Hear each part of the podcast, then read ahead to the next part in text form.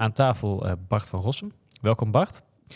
Dankjewel Jasper. Wie, uh, wie ben jij precies en wat doe je precies? Ik, uh, ik ben al een tijd lang als zelfstandige bezig om te helpen bij als projectmanager de implementatie en selectie van verschillende systemen. vooral gericht op HR en HR-gerelateerde systemen. Okay. En aan de andere kant ook financiële systemen. En omdat ik de implementaties doe, heb ik ook een goed beeld van wat leveranciers nou eigenlijk bieden. vaak zie je in selecties uh, dat alles kan.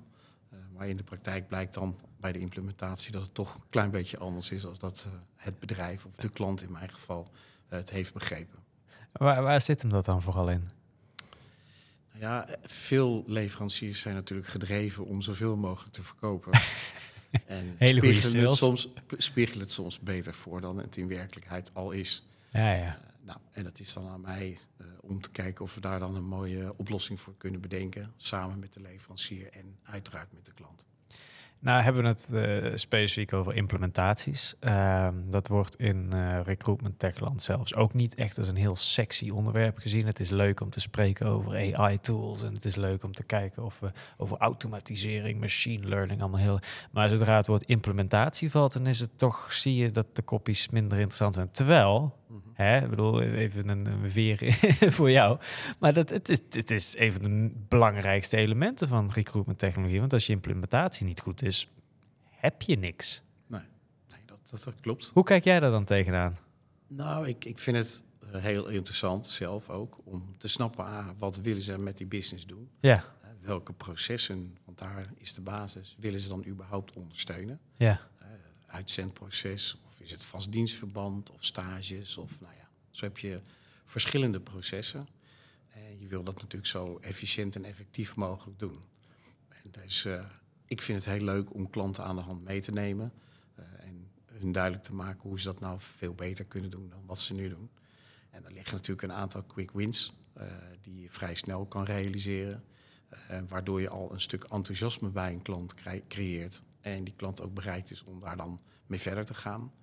Uh, en ja, dan zie je dat zoiets gaat groeien. En na de go live heb je dan ook meestal nog de kans om uh, nieuwe functionaliteit toe te voegen. En in jouw werk, um, stel ik ben, uh, je komt bij mij binnen, ik ben een bedrijf en ik ben een uh, multinational en ik heb besloten dat ik mijn hele ATS weg ga gooien en ik ga helemaal opnieuw beginnen. Ja. Wat is het eerste dat je tegen mij zegt?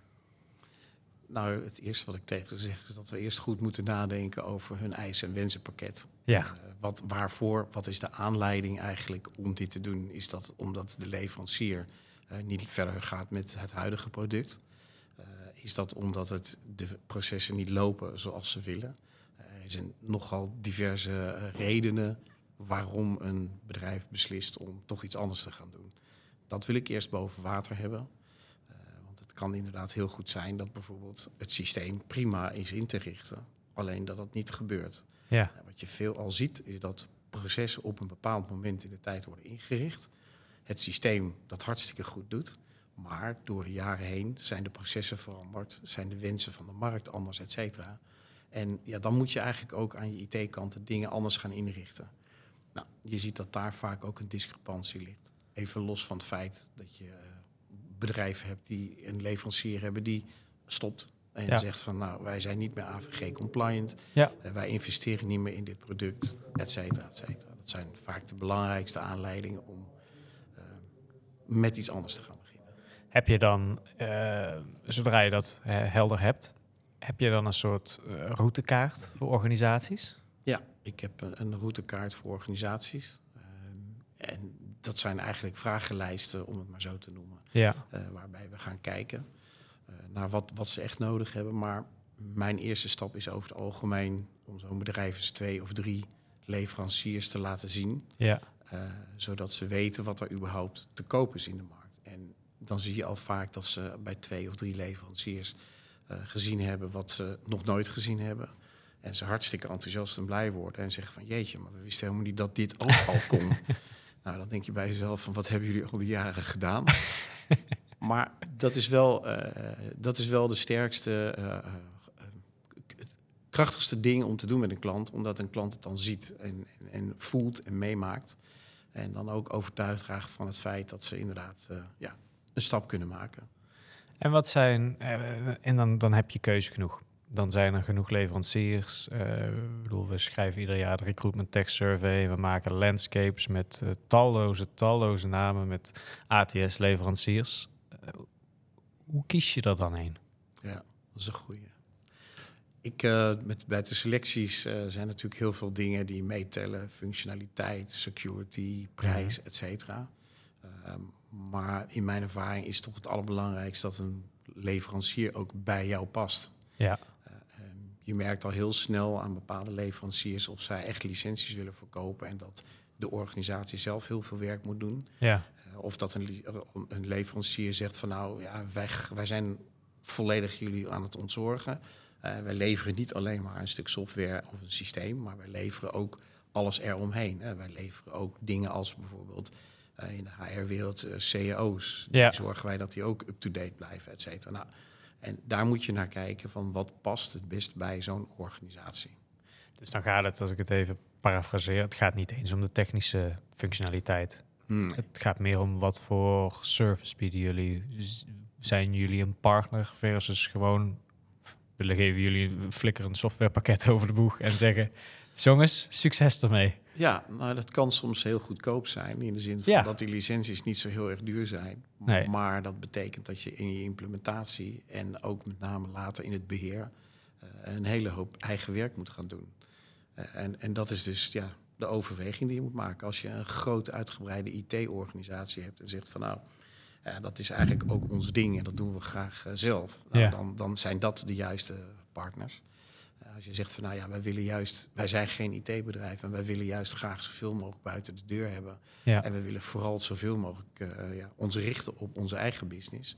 Eh, ja, dan, dan zul je vaak een andere klant of een andere partner moeten zoeken. Dus daar is ook al wel een bepaalde zelfkennis voor nodig. Je, je moet dit bij jezelf kunnen inventariseren voordat je overgaat tot wat voor beslissing dan ook. Ja. Aankoop.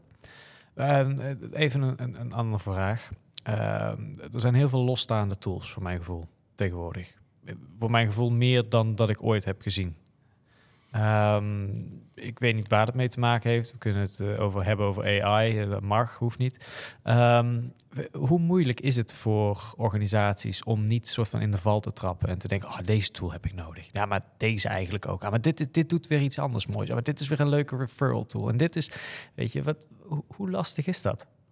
Ja, wat, je, wat je natuurlijk ziet is dat eh, we technisch gezien zover zijn dat het ontwikkelen van functionaliteit steeds makkelijker wordt. Ja, Het is dus steeds makkelijker om zelf iets te gaan bouwen. Of eh, een, een leverancier kan heel veel dingen zelf bouwen. Er zijn goede platforms eh, waar workflow engines in zitten en waar je al heel snel een, een product kan maken. ja, En dat zie je ook de afgelopen vijf tot tien jaar ook veel gebeuren.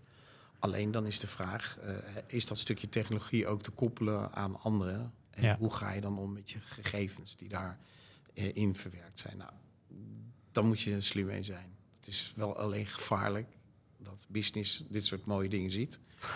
En dan roept van dit willen we. Ja. Eh, en dan eh, de IT-club daarmee opzadelt. En die dan zegt, ja, dat kan allemaal wel. Maar A, is het wel AVG-compliant? En dan hoor je vaak, ja, maar dat is toch helemaal niet belangrijk. Ik bedoel, eh, dus je ziet dat daarin, eh, ja, de, de- het spel tussen met name IT en business is, is heel cruciaal daarbij. En wat maakt dan een, een, een implementatie een succesvolle implementatie? Ja, het is heel belangrijk dat je vooral goed afbakent. Eh, want wil je mensen enthousiast maken, dan moet er ook iets opgeleverd worden. Ja, Vandaar dat je moet proberen in het begin een basis neer te zetten die werkt en waar mensen ook enthousiast van kunnen worden. Cruciaal daarbij is ook dat je de mensen die ermee gaan werken meeneemt van begin af aan. En zorgt dat die ook opgeleid zijn en ook echt de functionaliteit die er is ook snappen en gebruiken. Ik kom ook nog wel eens bij organisaties waar ze een prima systeem hebben, maar nou heel weinig eigenlijk van de beschikbare functionaliteit daadwerkelijk gebruiken ja, ja. dan moet je daarin schakelen.